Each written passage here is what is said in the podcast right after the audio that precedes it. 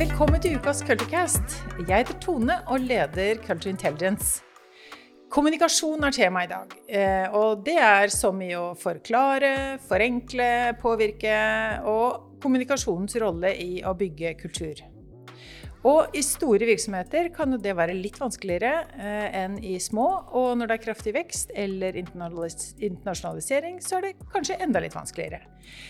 Eh, men hvordan kan en norsk virksomhet da påvirke både internt og eksternt? Og så er det ett tema hvor kommunikasjon er spesielt viktig, og det er jo nå i kampen om energi nok energi eh, til verden, eh, samtidig som man passer på bærekraftsmålene. Og her er det jo det vi kaller et skikkelig verdidilemma.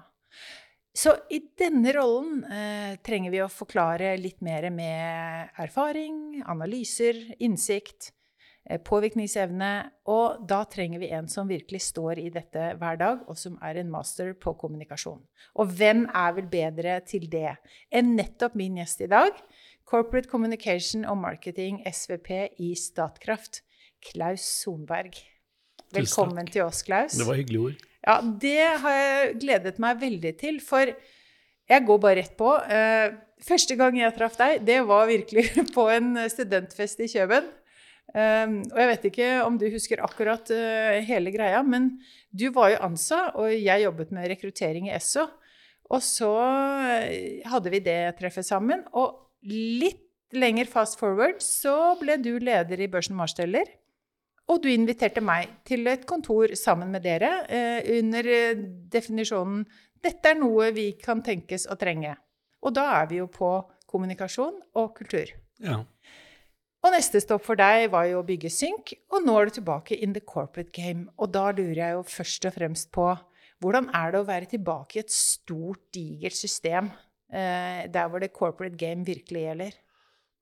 Det er ikke så forskjellig som eh, alle de spørsmålene jeg får om det, skulle tilsi. Uh, dels fordi jeg hadde jo veldig mange store norske og internasjonale virksomheter som kunder. Var liksom, liksom blue chip guy, med, jobbet med Equinor, Hydro, DNB, Telenor og alle de. Og så før jeg startet Synk, da, som jeg holdt på med i 11-12 år, så satt jeg i konsernledelsen i SAS, som også var et ganske betydelig selskap. Så, så jeg har liksom alltid trivdes med og uh, identifisert meg med store, store systemer. Um, og det å være konsulent og det å være på Sitte i, i uh, en, en, et selskap, det er ikke så forskjellig. Uh, jeg har ikke resultatansvar nå, men, men, vi styrer jo egentlig som om jeg skulle ha det. Ja.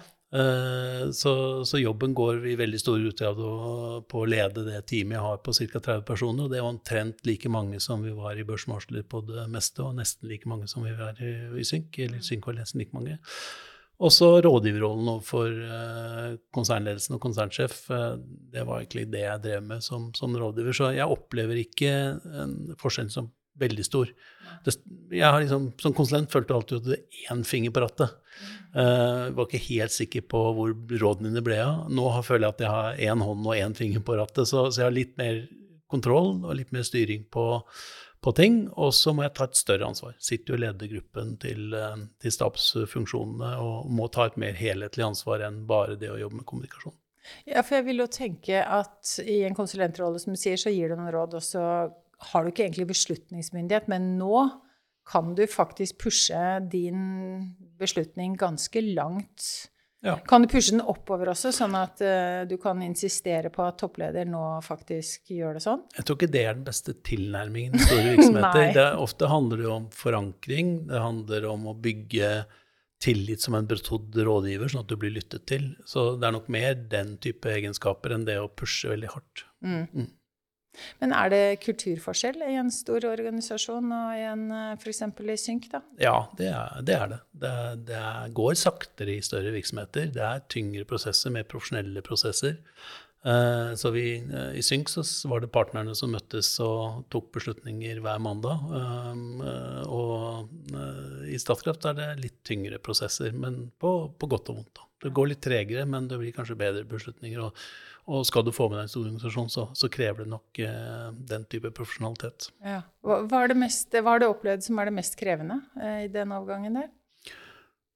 Godt spørsmål. Jeg har ikke reflektert så veldig over, for jeg opplever ikke det som så veldig krevende. Men, men man må være bevisst eh, involvering. Uh, man må være bevisst at man må ta et større ansvar enn bare sitt eget fagområde, og uh, involvere de andre fagområdene som er berørt, på en annen måte enn du må som, som konsulent. Men, men igjen, jeg jobbet med så store virksomheter, så, så de rådene jeg ga, tror jeg håper jeg bar preg av den forståelsen og respekten. For det, jeg, du blir ikke veldig hjelpsom som rådgiver for Equinor eller DNB hvis du ikke skjønner den delen av the corporate game, da, som du sa. Mm. Hva tror du er de viktigste verdiene til en veldig god rådgiver? Har du tenkt på det? Ja, det er interessant. Jeg reflekterte over dette, Tone, før dette møtet. men hva er verdier? Jeg husker tilbake på når du satt i børsmarsjer, så, så åpnet du øynene mine for at vi bruker jo ofte ord som verdier, men så er det kanskje mer egenskaper. Det finnes mye færre verdier enn egenskaper. Men, men la oss liksom bruke samleverdien, eller samleordet verdier da, på, på, egenskaper. Og som rådgiver så er jeg helt sikker på at det aller viktigste, det er å lytte. Um, det er mye viktigere å lytte enn å snakke. Og det merker jo vi også, kanskje, som, er, som jeg syns er vanskelig også. Jeg har, for jeg har alltid veldig mye på hjertet. Lyst til å vise og fortelle og dele og liksom si sånn, se her. Eh, og så glemmer du av og til å si eh, men hvordan ser dette ut for deg? Så den derre toveisen er jo en interessant eh, gate. Det er viktig, og så tror jeg liksom rådgiverfunksjonen verst. Jeg har drevet mye med sånn betrodd rådgiver, trusted advisor, trening, utvikling, coaching. Gjør det for så vidt med teamet mitt nå. Og det der å Én, uh, ikke være bare god nok på kommunikasjon, men du må skjønne organisasjonen, du må skjønne forretningen, du må skjønne uh, teknologiene som, uh, som uh, i dette tilfellet da er fornybar energiteknologi. og så må du ha respekt for at topplederrollen er veldig sammensatt. så det å dra liksom, omdømmekort er ikke så veldig hjelpsomt, fordi de må ta juridiske hensyn, organisasjonsmessig hensyn, alle mulige andre hensyn. Og så handler det da om å, å hjelpe hjelpe lederen eller kunden til å komme frem til uh, å refusjonere seg frem sammen med kunden til en beslutning. Mye mer enn å være eksperten som liksom gir svaret. Så det er, det er en litt annen tilnærming og annen prosess som er mer lyttende, probende, enn å skulle ta masse plass i møter og gi svarene. Uh. Det høres litt sånn litt behageligere ut, egentlig? Litt sånn snillere, kanskje? Eller er det det? Eh, nei, det tror jeg ikke. Nei. Eh, jeg tror mange føler et intenst ubehag å ta 3000 kroner timen og ikke gi svar. Eh, jeg tror veldig mange fyller usikkerhet eller det å rettferdiggjøre at du er så jævla flink, med å snakke veldig mye. Og, og, og da har de ikke helt skjønt det. Jeg leste i forrige uke at Statkraft nå er det mest verdifulle selskapet i Norge etter Equinor. Og investeringer i fornybar energi, står det, kan være svært lønnsom og verdiskapende dersom man har riktig strategi og gjennomfører den. Ja, Er det ikke fantastisk? Jo, det sto det svart på hvitt. Og så tenkte jeg, hvordan, eh, hvordan, samsvarer det med det du jobber med? Dette er jo kjernen av eh, hva eh, jobben min er. Jobben min er å hjelpe Christian som konsernsjef og konsernledelsen og Statkraft til å formidle til omverdenen hvilken rolle vi har, hvilken verdiskapning vi bidrar med, og, og, og hvordan vi opererer på ulike nivåer. Og jeg tror ikke det er godt nok kjent at eh, Statkraft eh, var så store og er så store og viktige. Eh, at vi skaper så store verdier. Og så er det veldig mye debatt i media og i bransjen om, om dagen om at fornybar energi er ikke lønnsomt, veldig vanskelig. Og det, og det, er det. Det er krevende. Det er høy inflasjon, prisstigning på alt vi driver med.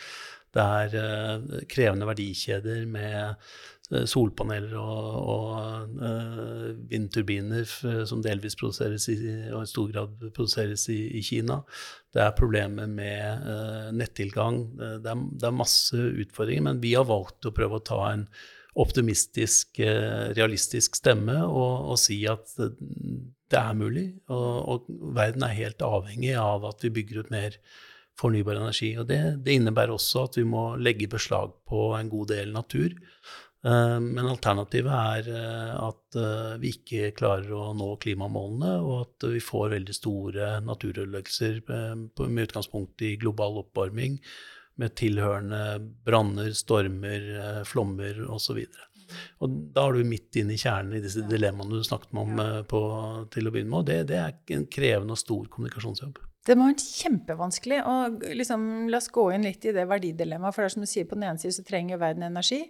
Og jeg kjenner jo olje, oljeverden ganske godt, så jeg tenker jo at den fossile har jo definitivt gjort, gjort, et godt løft for samfunnet vårt, definitivt over tid. Og plutselig nå så er ikke det løsningen lenger. Så ja, Verden er dessverre ikke så enkelt. fordi vi, det er ikke sånn, Nå fikk Europa kjenne på hvordan det er når eh, Putin skrur igjen gasskranene og 30% av energien i Europa blir borte. Mm. Det har veldig høy pris, bokstavelig talt, eh, og svir på lommeboka både til bedrifter og privatpersoner. Eh, og, og, og skaper mye ubehag, motstand, usikkerhet.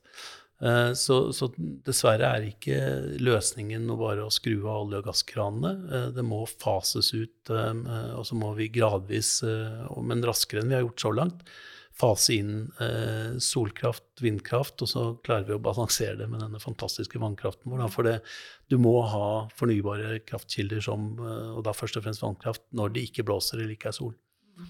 Hva er det mest lønnsomme som dere gjør akkurat nå?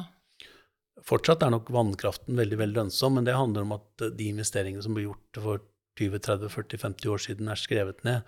Så, så, det skrives mye om at uh, det koster bare 12 øre å, å produsere uh, en kilowattime med, uh, med, vannkraft. Men det, det tar ikke høyde for at de investeringene er gjort. Og hvis man tar med de, så, så er det nok det. Så den billigste teknologien nå, uavhengig av fossilt eller, eller fornybart, det er solenergi, faktisk. Der har prisene falt dramatisk. Og, og, så det er det mest effektive du kan, kan gjøre. Men, men, det tar eh, litt areal.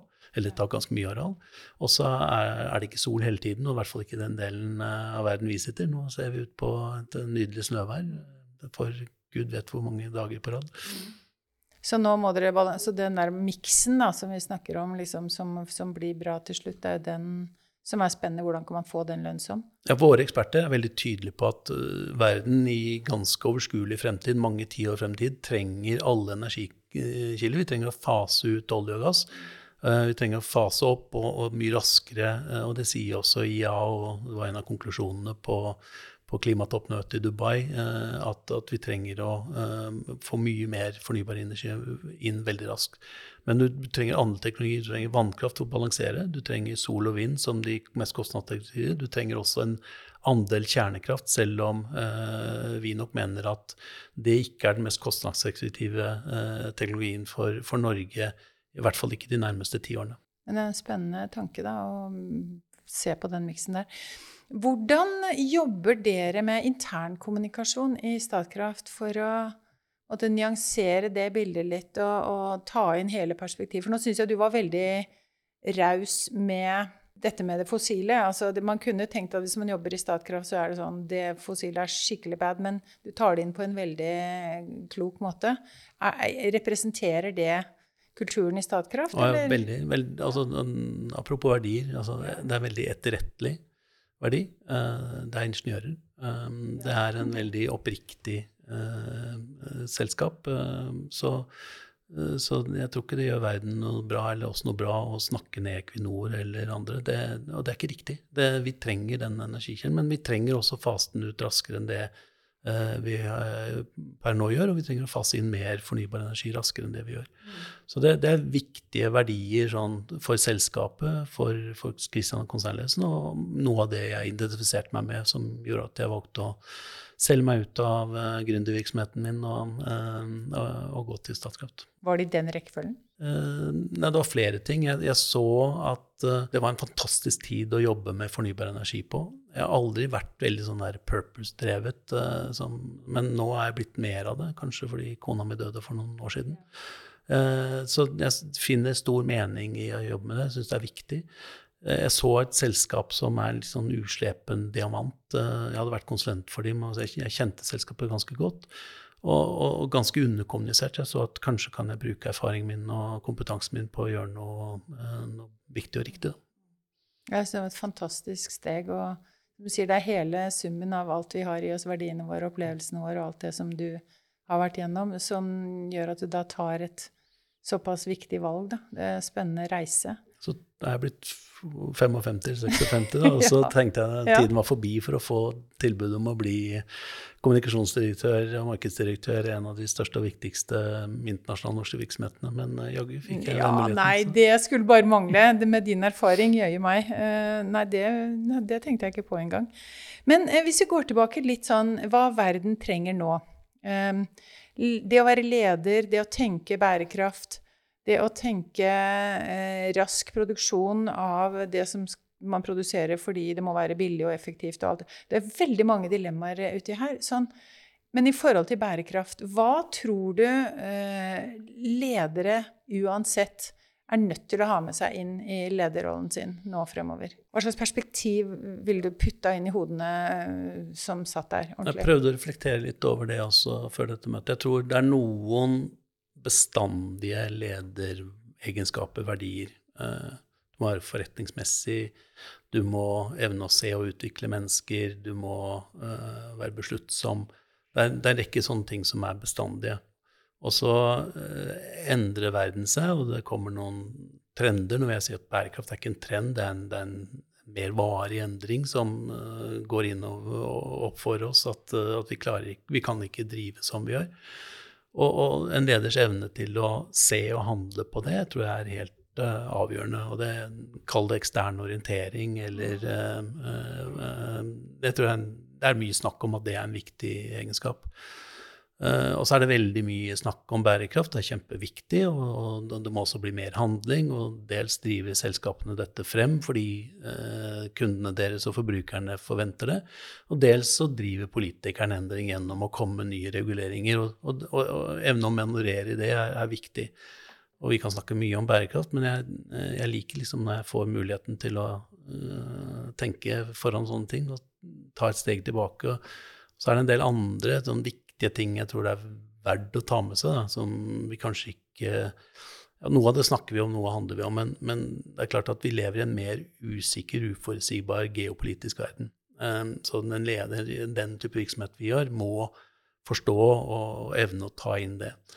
Vi lever i en veldig rask teknologisk endring. Jeg tror ikke verken Statkraft eller så mange andre norske virksomheter ordentlig har tatt inn over seg eh, kunstig intelligens. Vi snakker om det, men, men er det ordentlig innarbeidet? Men liksom når, når de som presumptivt kan mest om det, de, som, de som leder de største teknologiselskapene i verden, sammenligner det med endringen uh, når internett kom, og ser liksom hvor, hvor annerledes vi jobber uh, med internett, så, så, kommer kunstig intelligens til å gjøre enorme endringer. Og det tredje er kanskje nærmere ditt fag, da, men, men det er også mye snakk om Men jeg ser ikke Jeg sitter i noen styrer og har jobbet med en del virksomheter at, at the war for talent, altså at, at kompetansegapet vi, vi, kommer til å mangle arbeidskraft i Norge og de fleste andre vestlige land. og vi kommer til å bli eh, forbipassert eh, av eh, Kina, India og USA har allerede gjort det fordi de, de, den kompetanseutviklingen går raskere. Folk er rett og slett mer utdannet. Så, så, så jeg er ikke sikker på at uh, konsernledelsen og styrene i de viktigste norske virksomhetene i tilstrekkelig grad tar inn over seg denne type uh, store utviklingstrekk. Da. Så må du balansere det opp mot noen av disse mer bestandige lederegenskapene som jeg snakket om innledningsvis. Men da har du egentlig satt opp en ganske skarp spekk. Altså du må være i stand til å ta beslutninger, sånn beslutningsdyktighet. Du må evne til å utvikle deg selv eh, og være ordentlig. Og så sier du det å ta med det eksterne, usikre geopolitiske bildet. Eh, hvilke verdier trenger vi da, tro? Da trenger vi kanskje mer mot mm. eller resilience. Altså vi, mm. vi, må tåle den der stygge utsiden som vi kanskje kan bli litt redd for, og det krever jo litt mer.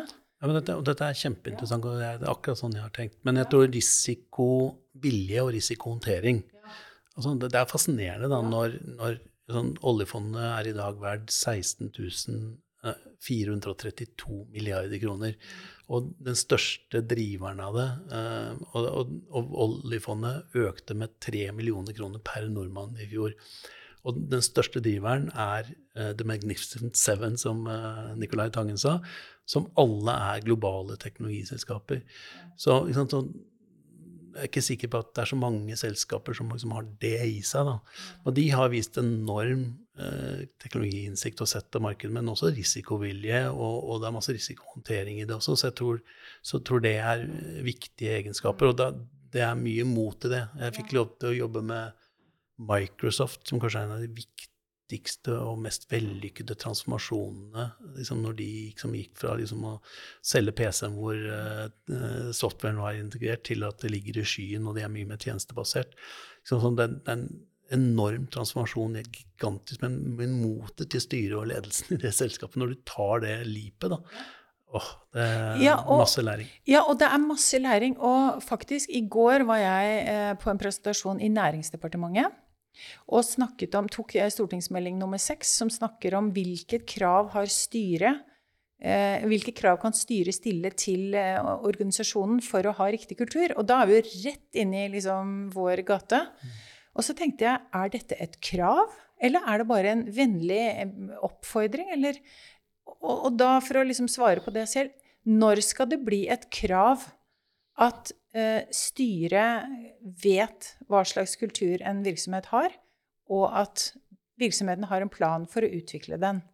Den de trenger. Jeg opplever ikke at det er noen, Jeg sitter jo i styret TV 2 på 11. året. Jeg har akkurat gått inn i fjor i Kreftforeningens styre. Jeg, sitter, jeg styreleder et Norges største interiørarkitektselskap, som er litt som litt annen ballgame. Men jeg opplever at dette er ganske høyt på agendaen i de styrene jeg har sittet i og sitter i, og, og de virksomhetene jeg har vært rådgiver for. Og, og jeg har inntrykk av at det også er riktig i, Statkraft. Så, så, styret har en ganske balansert tilnærming til som mennesker og kultur. Da. Og, og deres primæroppgave er kanskje å rekruttere og avsette en konsernsjef, og da er de jo veldig opptatt av det. For det, hvem som leder virksomheten, er ekstremt viktig. Eh, hvilke mennesker du ansetter og utvikler, er liksom kjernen i det. Og jeg, jeg, opplever at det er et, eh, et godt balansert fokus i, i, styrene på de tingene. Vi bruker i hvert fall ganske mye tid på det i TV 2-styret. Og, og, i Kreftforeningen. Og, og, da er jeg litt på hvor Hvilke krav skal man stille til en leder nå i, i fremtiden? Og tilbake igjen til at min erfaring bare er at det er veldig mange kompetansekrav. Men det er ganske udefinerte og ikke fullt så skarpe krav til verdiene til en leder. Jeg kjenner meg, jeg kjenner meg ikke helt Nei, igjen. Nei, for det er det. Jeg, ja, jeg opplever det. Og, ja.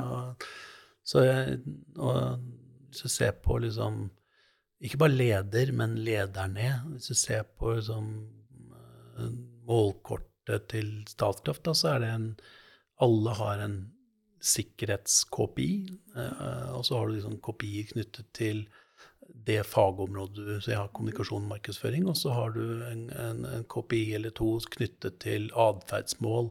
Og det er din egen atferd, og så er det gjerne eh, verdiene i virksomheten. Så jeg måles og, og utmåles bonus på i hvor stor grad jeg lever opp til uh, verdiene i, i Statkraft. Så, så, og, og, tilsvarende har jeg sett i de andre store virksomhetene jeg har vært rådgiver for, og tilsvarende vil Olav i TV 2 og andre ha et ganske balansert målkort. Mm. For det er ganske kult, for det, det, det var jo sånn vi Ingar Skau i Wilhelmsen, som du jo kjenner, eh, han satte jo det på agendaen, tror jeg, som en av de første i Norge og sa hvordan du etterlever verdiene våre. Etterfusjon, det skal, det skal, vi måle og gi deg bonus på. Så det var en sånn. Men, og jeg ser ikke så veldig ofte nå, kanskje helt øverst oppe, men, men ikke for alle lederne f.eks. I, i en virksomhet, at de har en uh, direkte bonusgivende mm, faktor på hvor godt de lever verdi. Men det tror jeg hadde vært lurt. Det, Det, det, har vi jo. Ikke bare, ja. Det er ikke bare EVP-en og SVP-ene, men jeg,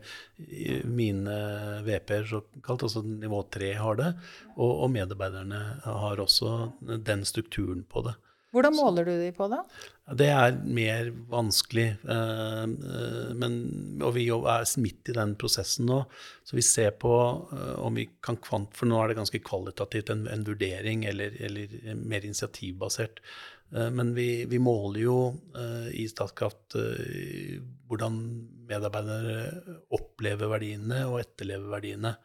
Utrolig Du hadde jo Siri her for et år Ja, ja, siden. ja. Hun var veldig lanserte. tydelig. Ja, ja, men altså, det er utrolig stolt av at uh, HR og kommunikasjon og ledelsen i Statkraft vi, 83% av medarbeiderne i Statkraft sier at de mener at verdiene er tydelig kommunisert. Og 87% mener at de eh, vet hva, hvilke type atferd som skal til for å etterleve verdiene. Så, så det var ekstremt høye nivåer. Jeg, eh, liksom, jeg er ikke sikker på at return on investment på å gjøre, få det opp til 90 er, at det er fokus. Da. For jeg tror vi er på et nivå som uh, Klarer vi å opprettholde det nivået, skal vi være utrolig glad. Ja, absolutt. Og, og, da, hvis vi er tilbake da til det vi snakket om uh, i stad De verdiene som kanskje er veldig nødvendig nå, da, som kanskje ikke var det for bare to-tre år siden, før alt dette urosakene med, med, alt det som har skjedd i verden. Tror du at man skal nyansere f.eks. verdietterlevelse og si at en av de verdiene vi har, er viktigere enn noen andre? Gjør dere sånn? Eh, I, I, år så er det denne verdien her som alle skal fokusere på, eller er det alle har like stemme? Jeg, jeg tror jo mer jeg jobber med ledere og ledelse, jo viktigere blir balanse. Altså den, du må evne å balansere ulike typer hensyn. Og jo mer kompleks og sammensatt og raskere verden går, jo, jo mer, mer, viktig blir balanse. Så, så, jeg har en magefølelse på eller en intuisjon eller erfaring på at jeg tror ikke det å pushe én verdi eh, nødvendigvis er riktig. Det kan være situasjonsbestemt hvor det er spesielt viktig. F.eks. vi eh, Anneli, som er ganske nytilsatt eh, HMS-direktør hos oss, eh, eh, har en agenda hvor vi trenger å ytre styrke eh, sikkerhetskulturen. Og da, da, kan det være viktig å trykke ekstra hardt på det, eller kommunisere ekstra hardt rundt det. Men, jeg, men jeg, mm, det hjelper ikke at vi bare er verdens beste på sikkerhet. Vi, det er andre sider ved ledelse og, og forretningsutvikling som er, som er viktig. Så jeg, jeg, tror veldig på balanse. Så er det én verdi som jeg lurer veldig på, som vi snakker veldig lite om, og det som kanskje er eh, si, selve kjernen i noe av det andre også, og det er jo denne selverkjennelsen. Altså som, som, som, ligger inni der, og, og, som hjelper oss å forstå, og som hjelper oss ikke bare å forstå det som er utenfor, men virkelig hjelper oss å skjønne hva er det som foregår inni meg, og i hvilken grad er det jeg nå handler etter mine egne verdier, eller selskapets verdier, eller hva er det jeg liksom holder på med? Det syns jeg er spennende. Jeg, jeg, kjenner meg også veldig godt igjen og jeg har vel en lederfilosofi og stil og kommunikasjonsstil hvor jeg er veldig, veldig åpen. Uh, men det er ikke alle, og det har jeg lært i Statskraft, det det er ikke alle kulturer som er det sånn. Uh, en av de tingene jeg er veldig opptatt av, er uh, tilgjengelige, transparente og autentiske ledere. Og jeg sa det på en sånn global samling med kommunikasjonsfolkene, så sa Asia, som er kommunikasjonsdirektør i Tyrkia, Klaus, we don't, need, we don't want authentic leaders, we want leaders. så, så, det finnes kulturelle forskjeller som jeg tror vi skal både forstå og, og respektere. Men på den andre siden så, så kom jeg akkurat fra Brasil, og, øh, og øh, topplederen der, som har gjort en helt fantastisk jobb, har tilegnet seg en veldig sånn skandinavisk lederstil. Sånn at han sitter i åpent landskap eller et selvkontor med, tilknyttet åpent landskap med en åpen dør. Og, og, de fortalte jo at det er jo ingen selskaper av vår størrelse i Brasil hvor ikke toppledelsen har en egen etasje med et sånn entourage av uh, sikkerhetsvakter og, uh, og, sekretærer som passer på. Og her kan liksom intern bare gå inn til uh, Fernando og snakke med han, og han er veldig åpen. Og, og det, er, det er en en lederstil, en, en, tilnærming som han har tilegnet seg Han er opprinnelig spansk, da, men har tilegnet seg eh, fordi vi er et norsk selskap. Så han har lært av Statkraft-kulturen? Ja, og, og, har, og, og, har, eh, gjennomført det i Brasil, og det, det, er de veldig stolte av. Og en av de sterkeste historiene jeg hadde i Brasil, var eh, Alassio, som var HMS-ekspert, og som kjørte oss fra den lille flyplassen opp til vindkraftverket. Og vi satt Han med ganske dårlig engelsk og snakket sammen. Og så uh, snakket han liksom Og han kommer fra Salvador, den, den, regionen hvor det er en blanding av urbefolkning og, og, veldig stort innslag av tidligere slaveavkom. Uh, da, eller avkom er feil ord. Altså folk som er nedstammer fra, fra slavene. Og det ble jo importert flere slaver til Brasil enn til USA, det visste jeg ikke. Så han var veldig mørk i huden og sa ja, dette er sjette arbeidsgiveren min. Det er første gang jeg har blitt tatt på alvor, fått, uh, følt respekt, og første gang jeg har fått like muligheter som uh, hvite mennesker. Uh, og så fortalte han annet, for vi skulle ned til Florianapolis, og Florianapolis han, it's very free, så han mente det var en veldig liberal del av landet. Så det er, det er, mye homofile som har bosatt seg der. Og så sa han noe veldig rørende som jeg ble veldig stolt av. Han sa at jeg har vært i Statkraft i litt over ett år, men jeg har endret meg som menneske. Jeg har blitt mer tolerant, mer respektfull ja. overfor homofile og uh, andre holdninger eller legninger enn det jeg har. Og, og, det viser jo at kultur kan uh, ha veldig store samfunnsmessige ringvirkninger, ikke bare selskapsmessige ringvirkninger. Jeg syns det var en veldig sånn, mm. fin opplevelse. Fantastisk historie. Ja. Og, og, da er det jo på temaet om hvor catchy verdier egentlig er, da. Så hvis noen etterlever de, så mm er det lett å bli inspirert og, og liksom ta etter og, og, og, bli en del av, av, det som man liker. Ja, og da er det kanskje viktig da, at uh, Equinor, Hydro, Scatec, uh, uh, Vard og Statkraft er tilgjengelige og til stede i, i, et land som Brasil, som jo egentlig er ganske velfungerende, eller veldig velfungerende samfunn, men også vi er jo i India. At vi indirekte har vært vi har jeg har hørt mange selskaper snakke om det. Jeg har aldri følt det på kroppen sånn som jeg gjorde i, i Brasil. Og da er det ikke bare at vi bidrar til energitransformasjonen i Brasil. Vi, vi, bidrar til en positiv samfunnsutvikling og en verden hvor egentlig vi begynner å se konturene eller føle på kroppen et, et, en sånn kulturkrasj mellom autoritative regimer og, og, verdier som er veldig annerledes enn vestlige verdier. Ehm, eh, representert ved Russland, i, i Tyrkia i, i, noen grad, ganske sekulært fremdeles, men, men Audogan har jo hatt en uh, innvirkning på det. Kina og andre deler av verden. Og denne Og så tror jeg vi skal være veldig forsiktige med å sitte på vår høye, rike hest og, og, si at vi har rett, men, men jeg har jo grunnleggende tro på, på de verdiene som den vestlige verden står for, da, uh, som demokrati, ytringsfrihet, likeverd, den type ting. Men, men, jeg tror vi skal være veldig forsiktige med å, uh, å, snakke ned og ikke prøve å forstå og respektere andre. Og så går det noen grenser for, for det. Men, men, da tror jeg faktisk at Og det fikk føle veldig sterkt på kroppen i Brasil at det å være til stede som vestlige selskaper og norske selskaper i denne type land. Og, og, India og Brasil er jo to sånne geopolitisk veldig spennende som fort kan vippe den andre veien. Altså nå prøver de å balansere hensynet til Kina og Russland mot hensynet til USA og Europa. Og, og, og hvis vi ikke er der, så, så, så, kan det fort vippe i gæren vei. Det er i hvert fall noen refleksjoner jeg gjorde meg etter, etter å ha opplevd det på kroppen. Det er kjempeinteressant å høre hvordan og det har jeg kanskje ikke tenkt nok på, hvordan de store norske selskapene kan drive samfunnspåvirkning. Og det er jo det du egentlig snakker om, at verdiene til eh, egentlig norske, norsk virksomhet kan bli drivere for samfunn som ikke er kommet fullt så langt som vårt sosialdemokrati? Ja, jeg opplevde i hvert fall Jeg hørte historier. Jeg så um, at uh, medarbeiderne våre og lederne våre i Brasil var veldig stolte over å praktisere uh, en, en, vestlig slash skandinavisk ledelsesbedriftskultur. Uh, og det syns jeg var fint å oppleve. Jeg tror det er uh, viktig, jeg tror det er ekstra viktig nå i omskiftelig verden. Uten å si og mene at mm, det er alt vi gjør i Vesten, som er riktig. Du var jo liksom inne på sånn uh, bærekraft og forbrukskultur og den type ting. Så det, altså det, det, jeg så jo det ytterste av det fattige i Brasil og, og noe av det rikeste. Og liksom Norge ligger et eller annet sted ja. i øvre sjiktet der. Så, så, jeg tror det der med, med respekt, nysgjerrighet, men også ha noen ganske grunnleggende verdier eller ting du tror på, da. Um, og nå fikk jeg lyst til å bare tegne opp, for nå ser jeg den lederspekken som vi begynte å snakke om. Altså helt ytterst ute så er det jo bærekraft å sørge for samfunnspåvirkning på en, på en demokratisk Altså sørge for demokrati og bærekraft.